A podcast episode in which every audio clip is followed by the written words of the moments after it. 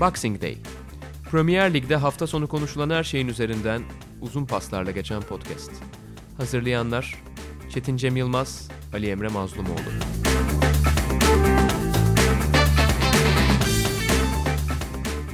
Sokrates Podcast'e hoş geldiniz.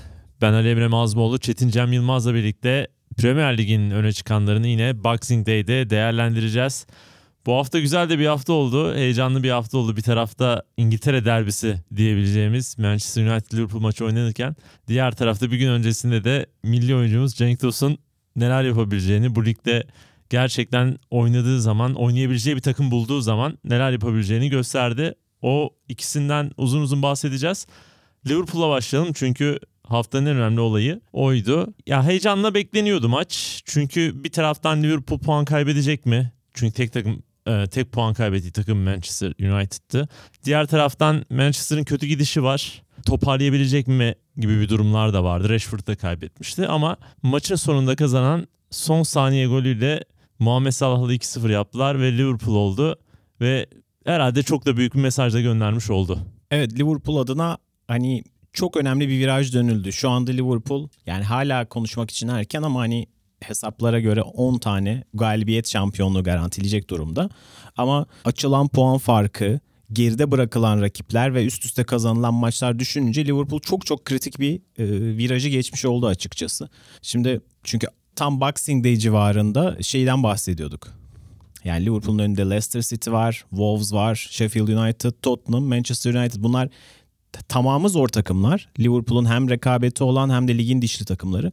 Liverpool bunların hiçbirinden puan kaybı yapmadan çıktı. 5 maçta 15 puanla çıktı. Yani ben tabii ki Liverpool şampiyonluğun artık en büyük adayı olarak görüyordum Aralık ayında da. Yani herkes gibi. Ama bu 5 maçta bir 3 galibiyet 2 beraberlik çıkar falan diye düşünüyordum yani. Leicester deplasmanı, Sheffield United olabilir işte.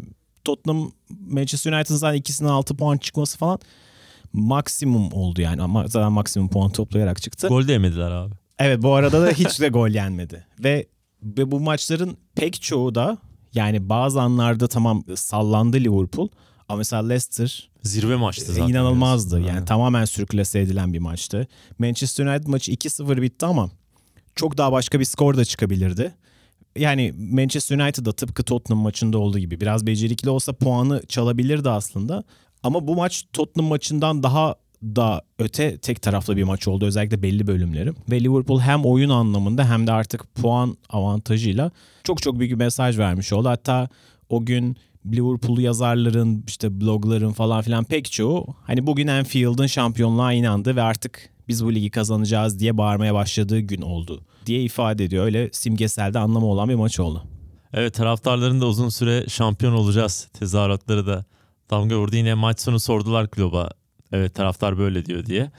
Ama o yine hiç o istikrarı bozmadan ben bununla ilgilenmiyorum. Bir sonraki maçımız bizim Wolverhampton maçı ona bakacağım falan dedi ama işler hiç onun dediği hani seviyede değil. Çünkü bayağı bir boyut atlamış durumda. Yani sadece bir beraberlik bütün maçların hepsini kazanmak bir süredir zaten konuşulan bir konu var. Liverpool acaba tarihin en iyisi mi diye ki bu tartışmaların üzerine koya koya giden bir takım var. Ya goller de ilginç yani ilk atılan gol duran toptan geliyor. Ve bunda şöyle bir garip de bir mesele var. Sonradan okurken falan da biraz rast geldim. Manchester United sezon başından beri 8 tane gol yemiş duran toptan. Ki yani hava hakimiyeti bakımından ligdeki en iyi stoperlerden birine sahipler. Maguire bu çıkışı yaptıysa biraz da hava toplarına borçlu aslında. Ona rağmen 8 gol yemeleri bir soru işareti. Ki çok ilginç bir şey. Maçtan sonra şöyle bir şey söyledi Klopp. İlgimi çekti baya son antrenmanda bir tane duran top planı çıkarmış. İşte yardımcı antrenörleri, o dehalar işte gerçekten bu başarıda inanılmaz payları olan iki adam. Ve plana göre 6 oyuncu içeride duracak ceza sahası içerisinde. Bir kısmı e, ceza sahası çevresini savunacak. Geride sadece Salah'la Ox top bekleyen iki insan olacak. Maçtan e, antrenmandan sonra Klopp çağırmış yine yardımcılarını. Yani bu doğru mu arkadaşlar? Yani biz ne yapıyoruz? Abartı değil mi falan diye. Bunlar da hayır biz Manchester United'ın analiz ettik zaaflarını. Duran toptan muhtemelen bir gol bulacağız zaten. Ve bu olsun diye ısrar etmişler. Sonra demokrasiye uygun olarak tam Liverpool'a uygun bir demokrasi örneği göstererek Klopp da tamam demiş. Ve gol de oradan geliyor abi. Yani bu bu derece detaycı olmak, bunları konuşmak, bunları şey yapmak hakikaten insanın zihin dünyasını, futbol dünyasında hakikaten aşan şeyler. Evet ya bunlar üzerine gerçekten o kadar çalışıyor ki geçtiğimiz haftalarda da yani tekrar tekrar üzerine konuşuyoruz. Liverpool'un bu adım adım işte sağlık ekibinden scoutingine hem transfer departmanı hem de rakip tarama anlamındaki scoutingden bahsediyorum. İşte oyuncu gelişimine falan her açıda detaylı çalışması o kadar etkileyici ki. Yani evet o golde Harry Maguire adeta Joe Gomez savunuyor yani aslında o çıkmasına izin vermiyor falan filan.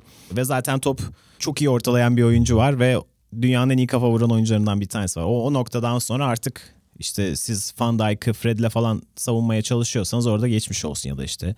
Dolayısıyla o noktaya getirmek aynen çalışılmış bir şeyin eseri. Ve Liverpool o golden sonra da pek çok pozisyon yakaladı. Ve benim en çok dikkatimi çeken, dikkatimi çeken değil de en çok etkileyen bir 60. dakikaya kadar falan 46-60 arası var. Yani bir takımın rakip takım bu kadar hırpaladığını uzun zamandır görmemiştim. Şeyden bahsetmiyorum hani büyük maçlarda falan değil. Yani Liverpool Norwich maçında da bu kadar iyi bir 15 dakika oynamamış olabilir. Gerçi Norwich maçı 4-1 bitmişti ve inanılmaz başlamıştı Liverpool'da. Yani United hiç çıkamadı. Sürekli çıktığı geri döndü. Yani oyun böyle bir 40 metrede falan oynanmak zorunda kaldı. Gitti geldi gitti geldi ve orada işte bazen son vuruşlardaki sarsaklıklar bazen böyle hani belki bugünün hani şampiyonluk maçı olarak yorumlanmasının getirdiği bir ekstra gerginlik. Çok basit vuruşları normalde çok rahat yaptıkları vuruşlar işte Mane'nin kaçırdığı, Salah'ın kaçırdığı, Firmino'nun biraz topu böyle ezmesi, ayağını dolandırması falan. Henderson'ın çok iyi bir şutunu De Gea'nın çıkartması falan. Ya üst üste o 15 dakikada maç çok başka bir skora doğru gidebilirdi. O baskı gerçekten çok başka bir şeydi. Hem United'ın oradan çıkması da başarıydı. Biraz daha şanslı oldukları zamanlar da vardı falan filan. Ama Liverpool gerçek anlamda güç ve form farkını o kadar belirgin hissettirdi ki ya zaten kadrolarda falan filan hep konuşuyoruz yani United'ın şampiyonluk yolundaki tüm rakiplerinden ya da işte top 6'teki tüm rakiplerinden kadro olarak çok geri kaldığını konuşuyoruz. Ama bir yandan hem sakatlıklarla hem işte belki de teknik direktör formsuzluğu ya da yetersizliğiyle falan öyle bir fark açılmış ki hmm. yani Liverpool bunu gerçekten hissettirdi. Bu maç Martial'in ve işte Andre, Andreas Pereira'nın kaçırdıklarıyla belki bir noktada bir bire falan gelebilirdi. Ama yine de Liverpool'un oyun anlamındaki işte hükmünü tam anlamıyla karşılayan bir skor olmazdı. United'ı bilmiyorum daha konuşacak mıyız? United'la ilgili de çünkü söylenecekler var ama biraz evet. daha Liverpool konuşabiliriz aslında. Evet United'da konuşmak gerekiyor çünkü yani bir şekilde bir şeyler kararlarının alınması lazım United'da. Ama Liverpool'a dair yani ne söylesek az kalıyor gerçekten.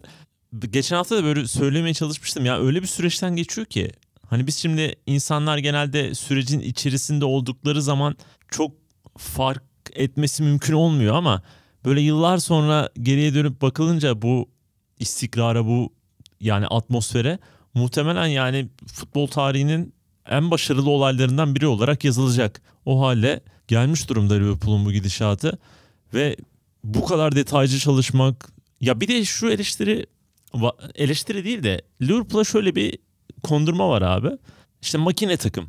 Ya makine takım olmak kötü değil ki. Hani biz de genelde makine deyince hep şey olur ya böyle savunmayı çok iyi yapan, hızlı hücuma çıkan falan. Bu özellikler akla gelir ama Liverpool abi hem hücum makinesi hem savunma makinesi yani dediğin o 46 ile 60 arası şey gibiydi ya yani ma- maçı izlerken şöyle bir şey hissettim. Hani Charlie Chaplin'in modern zamanlarda böyle makinelerin altında ezildiği böyle bir komedi filmi ama bir sinir doldursun yani. O kadar ezer ki o hani o sanayi toplumu onu falan.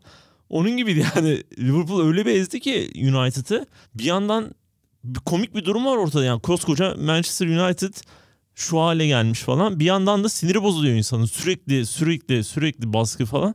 Çok ilginç bir maçtı hakikaten o anlamda da. Tam bunu söylemişken şöyle tartışabiliriz. Şimdi puan farkı 30. 22-23 maç oynanmış.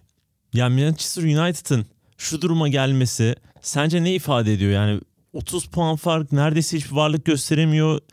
İçerideki maçta da benzer bir durum vardı aslında. Orada biraz daha plan iyi işlemişti.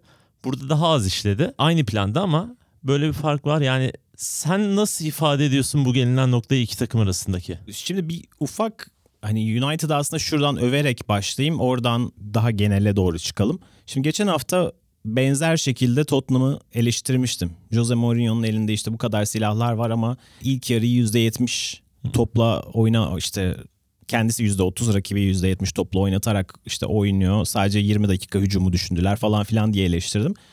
Manchester United bunun tam tersini yaptı. Çok daha presle ve açık oynamaya çalıştı. Dolayısıyla bunda ben bazı takdir ettiğim yanlar görüyorum ve maç kopmadan önce de dediğim gibi işte 40. dakikada 42-43 falan da olabilir. İşte Andreas'ın kaçırdı. Orada hani Andreas onu içeri vurabilse başka bir maç olabilirdi. E, Martial içeri vurabilse başka bir maç olabilirdi. Dolayısıyla Solskjaer maç sonunda çıkıp takımını savunduğunda bazı şeyleri anlayabiliyorum. Ama United adına gelinen noktayı özetliyor. Yani Solskjaer maçtan sonra dedi ki biz geçen seneki duruma göre daha iyiydik bu sahada dedi. Bu çok çok üzücü bir durum yani. Çünkü orada kendisini Jose Mourinho ile kıyaslıyor ve kendi çıkarttığı işi hani justifiye etmeye çalışıyor. Doğru haklı göstermeye çalışıyor. Yani doğru daha cesur bir oyun oynadı Manchester United ama Manchester United İngiltere'nin bu yüzyıldaki en başarılı takımı zaten hali hazırda. Ya da İngiliz futbol tarihinin en çok şampiyonluk kazanmış takımı Liverpool'la beraber tüm alanlarda en çok kupa kazanmış iki takımdan bir tanesi. Ya bu bir teselli olamaz. Yani biz bu sahaya geldik ve işte daha az pozisyon verdik bir teselli olamaz. Ama şurada e, yine hakkını vermek gerekiyor. Bu iki takım arasında gelinen noktadaki farkı. United elindeki imkanlarla düzgün bir oyun oynamaya çalıştı yine de. Dediğim gibi bu maç 4-0 da bitebilirdi ama 1-1 de bitebilirdi. Çünkü çok enteresan bir maçtı. Hiçbir yani 1-1 bitse şey demeyecektim ben açıkçası. Bu maçın hakkı bu değildi demeyecektim. Çünkü e, Liverpool o dediğim gibi final vuruşlarını iyi yapamadı. Ama bunun hiçbir halükarda United'ın geldiği noktayı gizlememesi gerekiyordu zaten. Bence United adına daha bile hayırlı oldu denebilir yani böyle yenilmeleri. Çünkü Manchester United'da işte bundan yaklaşık 10-15 sene içerisinde Forlan'ların Veron'ların beğenilmediği bir noktada Andreas Pereira'da medet umulması, 10 numara formasının ona verilmesi falan yani insanın kanını donduruyor. Bu United nasıl vasatlaşmasını gösteren şey bu. Bundan Liverpool'da geçti.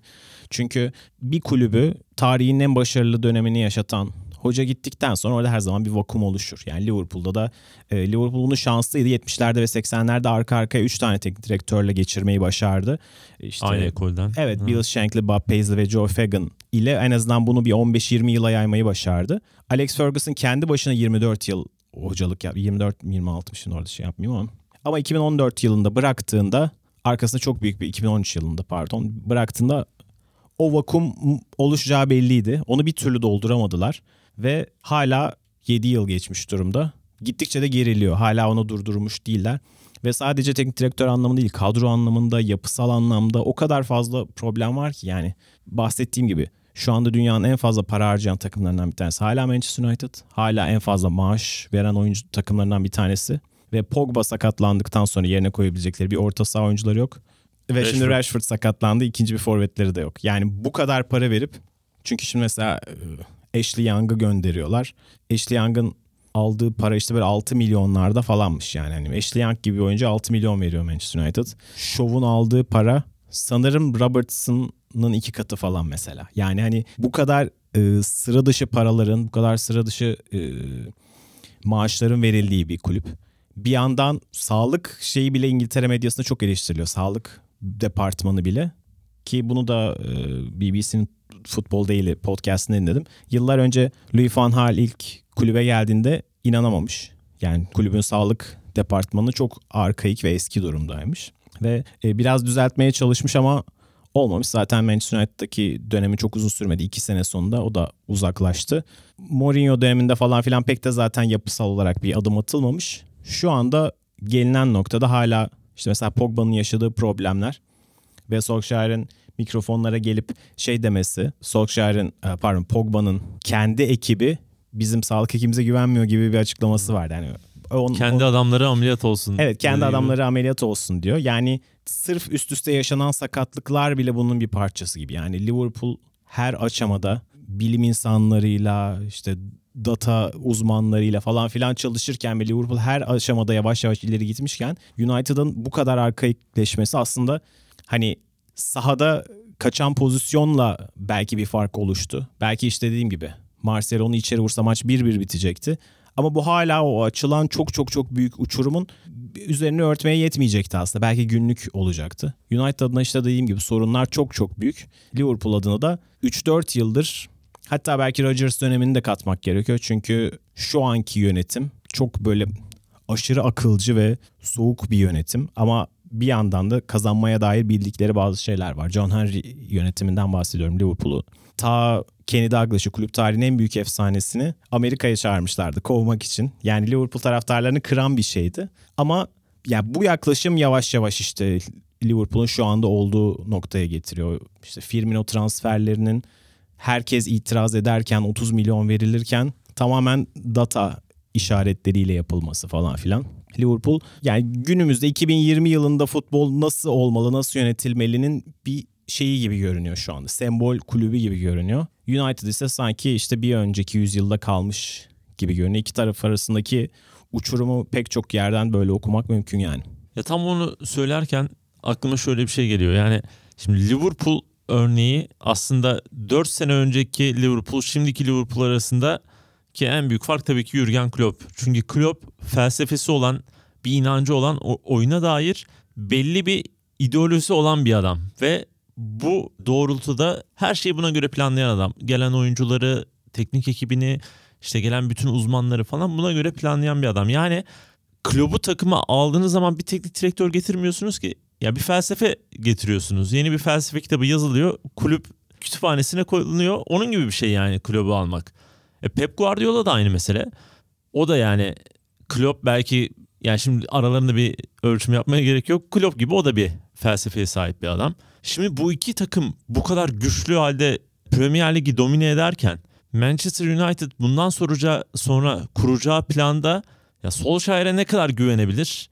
Mümkün değil çünkü bu iki dev o kadar acayip bir şekilde ligin üzerine baskı yaratıyor ki başka bir plana ihtiyacı var. Çünkü abi Manchester United'dan konuşuyoruz. Hakikaten yani bu ligi Premier Lig'in kurucusu gibi bir takım yani sonuçta. Daha doğrusu hani Premier Ligi dünya çapında Premier Lig yapan birinci kulüp Manchester United ne olursa olsun.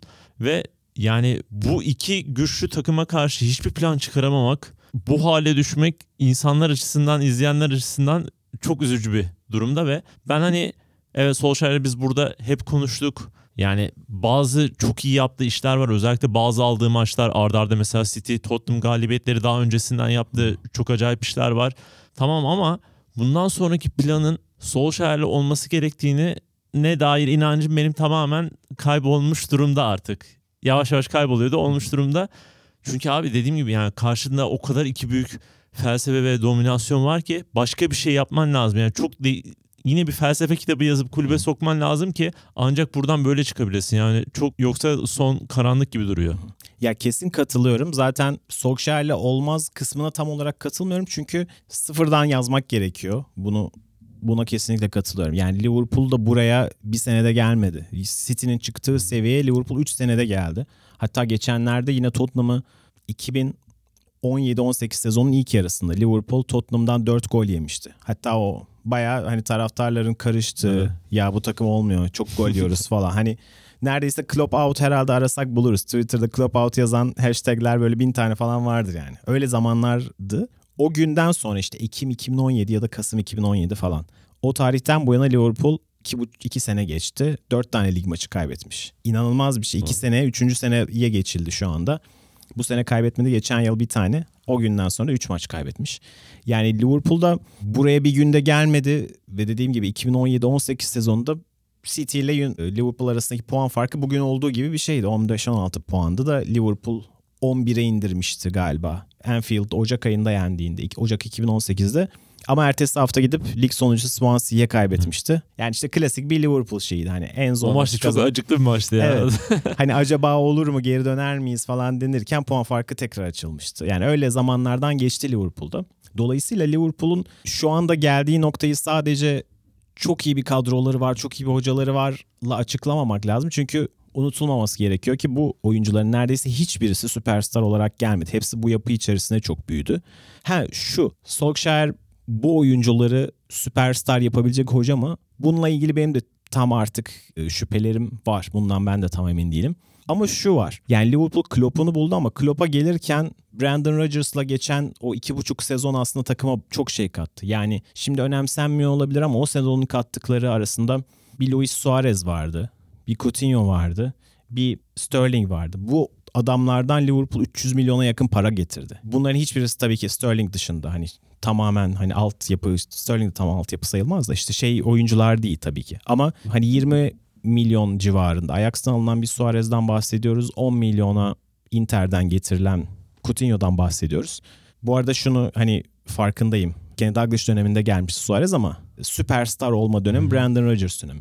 Yani Liverpool o bazı tohumları ve tekrar lig ikinciliğine giden en azından o kabuğunu kırma yıllarının birazını Brandon Rodgers'ta yaşadı. Oyun anlamında ve kadro anlamında şu anki Liverpool'la hiçbir bağı yok belki. Sadece herhalde Jordan Henderson dışında o kadrodan kimse kalmadı doğru. Ama şimdi orada bir tohum atılıyor. Yavaş yavaş takım kazanmaya geri dönüyor. Yeniden rekabetçi olmaya geri dönüyor. Birkaç tane yıldız çıkarıyor. Sonra belki onun getirisi, onun kazanın. Belki oyuncuyu satıyorsunuz ve sonra başka şeyler koyabiliyorsunuz yerine. Sonra üzerine bir kat daha çıkabiliyorsunuz. Solskjaer'in Manchester United'ın Klopp'u olmadığına eminim. Tamam yani her hepimiz eminiz buna. Ama Solskjaer'in hala Brandon Rodgers'ı olma ihtimali var Liverpool'un. Ama şu anda piyasada bir başka Klopp var mı? Ondan emin değilim. Muhtemelen de yok yani. Hani böyle Tuchel falan filan gibi bir ismi bulup Hı-hı. Getirmeleri lazım ama Manchester United şu anki haliyle o kadar az çekici ki ve o kadar karmaşık yapıda ki önce biraz kendi içerisini toparlaması Bir gerekiyor. geçiş dönemini Evet. atlatması lazım. Yani Solskjaer'e bu yüzden ben açıkçası şey yapma taraftarıyım. O kadar fazla karmaşa var ki kulüpte. İşte kadro belirsiz, e, oyuncular hala kimin takımı olacak, bu kimin sırtına takılıp devam edeceğiz karmaşası var falan filan. Dolayısıyla en azından bir iki tane sabit olması gerekiyor. Yani bu Bu takımı... arada transfer de bitiremiyorlar yani. Haaland transferi yine evet. Fernandez'in neredeyse yılan hikayesine döndü. Hı. Gelecek mi gelmeyecek mi? Bu arada Solskjaer maç sonrası yani belki bir kiralık da olsa forvet alacağız. Çünkü Rashford da bu arada 6-8 hafta kadar Hı hı. olmayacakmış dedi.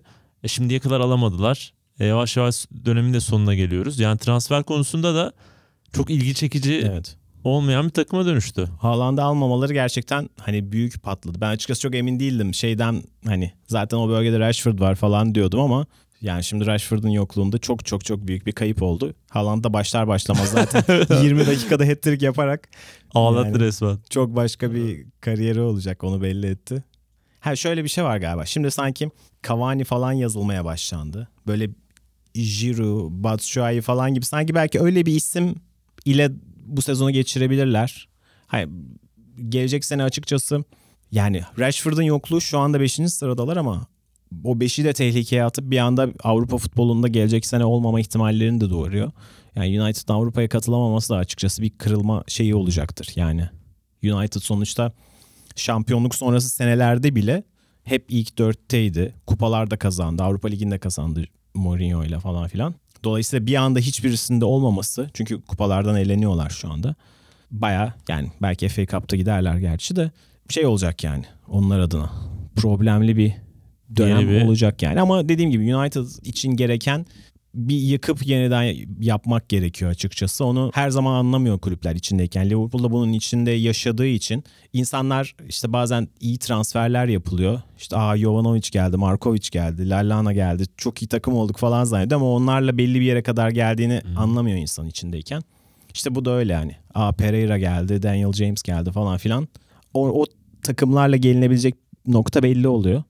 Yani United adına açıkçası önemli olan şu anda bu seviyenin çok uzağında olduğu, Liverpool'un ve City'nin çıktığı seviyenin çok uzağında olduğu dolayısıyla o seviyeye çıkma potansiyeli olan isimlerle devam edip yanlarına yavaş yavaş parçaları eklemek olacak. Diğer gündeme geçelim. Bir hafta önce Mary'i sakatlığa kurban vermiştik. Yani böyle yırta yırta formayı almıştı ama çok talihsiz bir sakatlıkla yani sezonu kapatmış oldu. Ama derken milli takım için bambaşka bir senaryoda doğmuş oldu bu hafta sonuyla birlikte. Aslında bir süredir hani Crystal Palace'ın imzalamasıyla birlikte Cenk'ten bir çıkış bekliyorduk. Çünkü ben sana da yazdım. Yani böyle bir sabırlı, sebat eden bir oyuncu var mı başka aklıma gelmiyor gerçekten. Yedekte kalsa ikinci, üçüncü yedek bile olsa böyle illa bir işin peşinden koşup istediğini alabilen bir oyuncu Cenk ve Palace maçın, e, City maçına çıktı. Golünü de attı. Bir de ilginç bir şekilde alınır alınmaz iki gol gol birden yedi. Yine son dakikada Palace kurtardı ama Cenk gerçekten herhalde Gary Cahill'la birlikte sahanın en iyisiydi. E, Palace adına Palace tabii. adına. Doğru evet. Ya evet Cenk adına söylediklerin çok doğru. Çoğu Türk futbolcu hani olmaz hemen geri döner falan. Yani işte bildiğimiz örnekler hep böyle. Dikiş tutturamaz sonra tekrar üç büyüklere geri döner. Artık hangi kulüpten gitmişse. Bildiğimiz hikaye budur ama Cenk'in gerçekten herhalde tüm Türk futbol severleri arasında en çok sevilen futbolcu olmasının sebebi bu. Yani şeyden bahsetmiyorum. Merih, Cengiz falan çok seviliyorlar. Sevilmelerinin biraz sebeplerinden bir tanesi üç büyüklerle anılmamaları yani.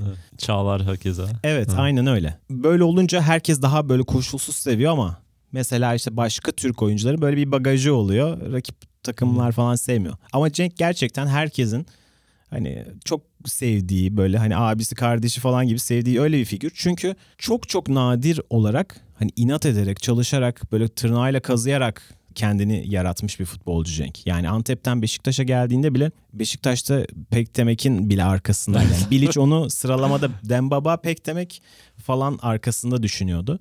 Yavaş yavaş her sene önce sezona başladı. İşte bir sezon hat-trick yaptı falan filan. Bir iki hafta sonra Mario Gomez geldi. Tabii ki Mario Gomez'den bahsediyoruz. Cenk kesildi. Ertesi sene Abu Bakar geldi. Cenk yine golleri atıyordu ama Abu Bakar form tuttu. Cenk kesildi. Bir daha her sene aynı şeyi kendisini bir daha kanıtladı ve bir üst seviyeye çıktı. Dolayısıyla bu iki sezonda Everton'da yaşadıkları biraz Cenk adına şeydi. Yani kırıcıydı ve gelişimini biraz baltaladı diye düşünüyorduk. Ama ya golcü için de en gerekli şey biraz istikrarlı olarak sahada kalmak. Yani her zaman son 25 dakikada oyuna girip e, skor değiştirmeniz çok kolay değil. Biraz şanslı olmanız gerekir. Hele Everton gibi topa çoğu zaman hani %50'nin altında sahip olan ve işte çok da organize olarak rakip sahada olmayan takımlarda oynuyorsanız işiniz iyice zor. Tabii ki yine defansif bir takıma gitti Cenk. Ama burada çok güzel bir şey var. Çok oturmuş bir oyun sistemi olan bir takıma gitti ve aynı zamanda ikinci maçtan kendisine ilk 11'de formayı verdi Roy Hodgson. Bu çok değerli. Ve bu maç özelinde Cenk'i yine benzer şekilde çok seven bir insan olarak kesinlikle duygusal bakmıyorum. Cenk mükemmel oynadı. Yani uzun zamandır bunda hani böyle altında hiç şey yapmadan hani boşuna kullanmıyorum bu kelimeyi yani kesinlikle mükemmel oynadı ve çok hani büyük starları falan filan tabii ki bir kenara koyalım. Büyük takımlarda oynayan. Biraz böyle hani orta seviye takımlarda bu kadar parlak bir forvet performansı çok az gördüm son zamanlarda. Çünkü enteresan şekilde Crystal Palace'ın özellikle ilk yarısında en fazla topla buluşan oyuncusuydu. Genelde bu kadar %30'la topla oynayan bir oyuncuda forvet topu görmez yani. Evet. 3 kere falan topa değer. Cenk ilk yarıda 28 kez topla buluşmuştu ve çoğu kendi yarı sahasında kanatlarda falan filan. Topu bir şekilde tabii ki uzun oynayarak ona atıyorlardı. Fakat Cenk neredeyse hiçbir pozisyon ezmedi. Ya faul aldı. Çoğunda Fernandinho'dan faul aldı. O da değerliydi yani. Ya da bir şekilde rakip takım arkadaşını buldu ve koşusunu yaptı falan. Gol yani bonusu oldu. Gol dışında da çok çok iyi oynuyordu ama hem golü hem de bir tane de kaçırdığı bir pozisyon vardı.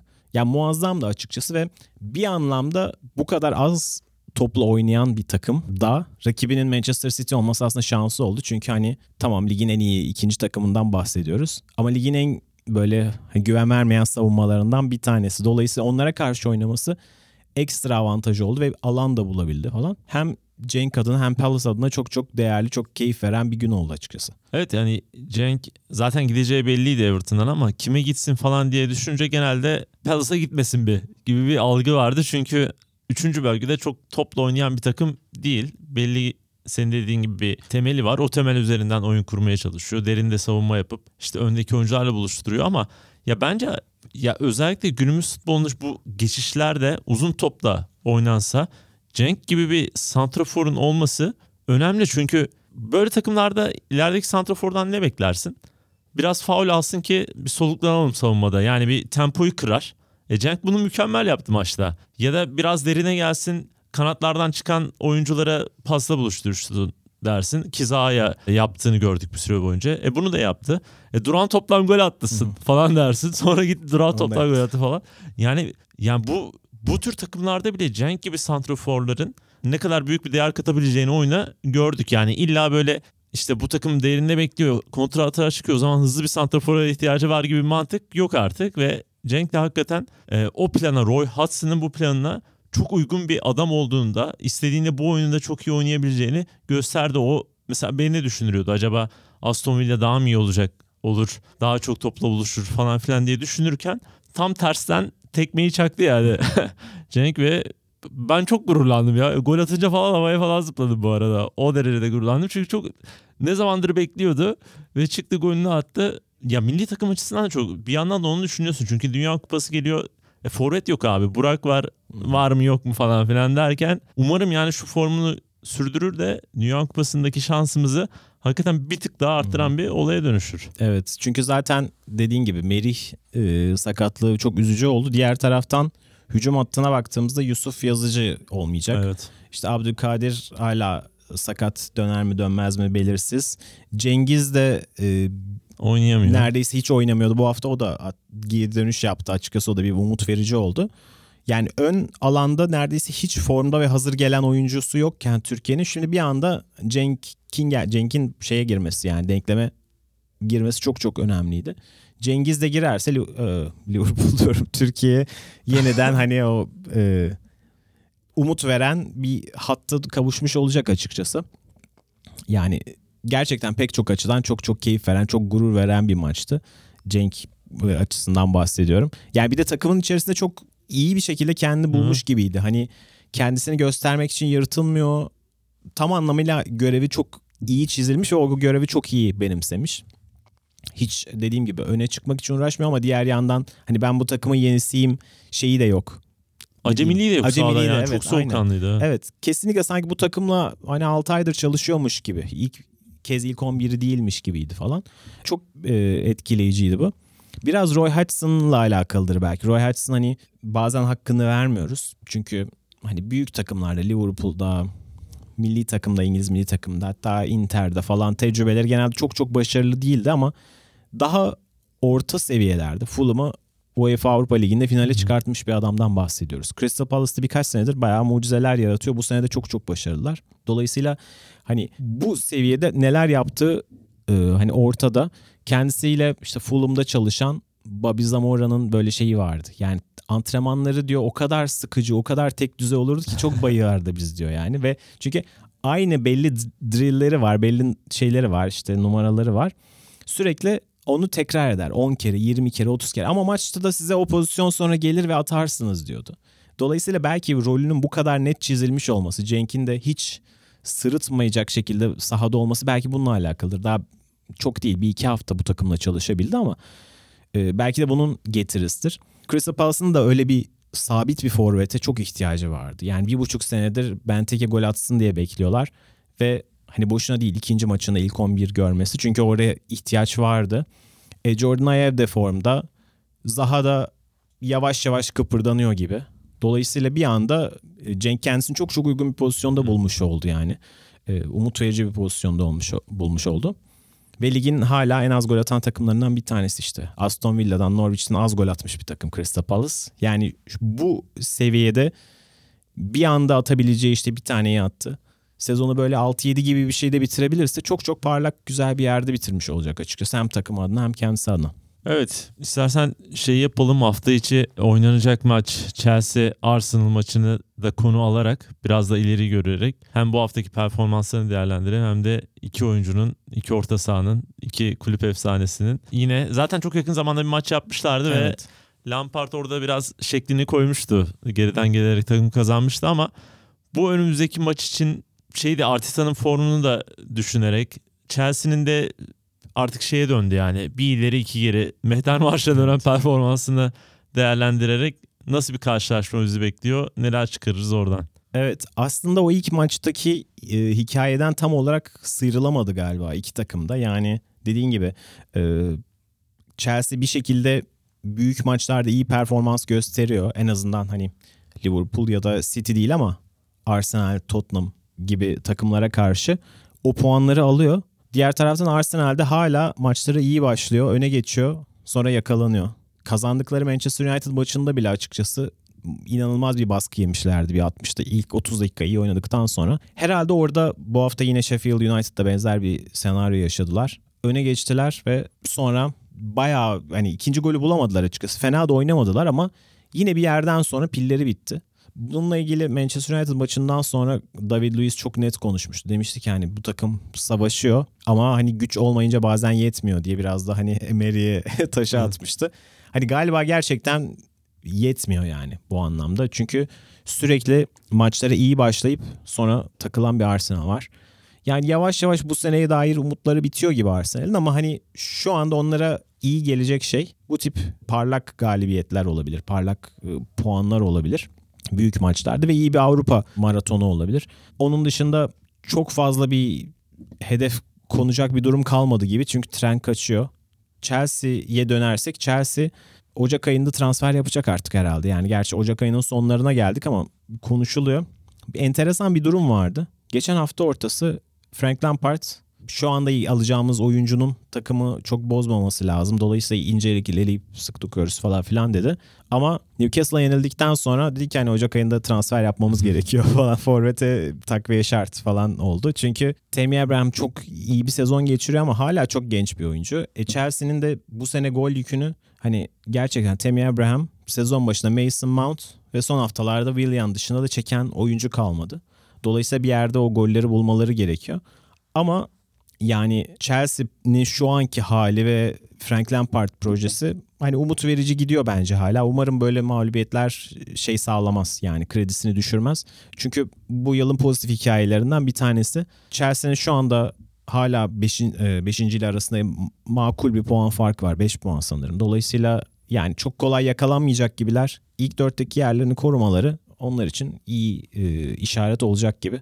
Ya onlarda da ilginç bir şekilde bir Kante gündemi var. Yani Kante'nin takıma artık yarardan çok zarar getirin. Yani sezon başlasa mesela sorsan Chelsea'nin vazgeçmeyeceğin oyuncusu kim diye direkt Kante derdi muhtemelen herkes ama şu sıralar özellikle o Kovacic, Jorginho, Mason Mount'un hani gösterdiği denge, iyi oyun Ondan sonra Kante'nin oraya gelmesiyle birlikte bir türlü galibiyet alamaması Chelsea'nin falan. Acaba bu Kante bize hani yarar sağlamıyor mu?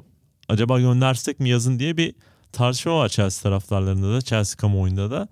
O da ilginç ama bir Arsenal maçında bakalım o da bu tartışmalardan haberdardır illaki ve bir şeyler göstermek isteyecektir. O açıdan da ben bu maçı biraz aslında bekliyorum neler olacağını. Yoksa bitirelim. Bitirelim hafta ortası zaten maçları var biraz. E, Cenk'le ve Liverpool Manchester maçıyla şey yaptık. Bakalım hafta ortasındaki maçlar neler gösterecek. Evet biz iki haftayı artık değerlendirmiş olacağız bir sonraki programda. Artık lig de iyice şekillenmiş oluyor. Düşme hattı şampiyonluk yarışı zaten epeydir herhalde şekilli ama en azından ilk dördün nasıl oluşacağı gibi konular yavaş yavaş şekilleniyor. Biz de bu heyecan içerisinde gündemin öne çıkanlarını konuşmaya çalışıyoruz. Haftaya yine birlikte olacağız. Şimdilik hoşçakalın. Hoşçakalın.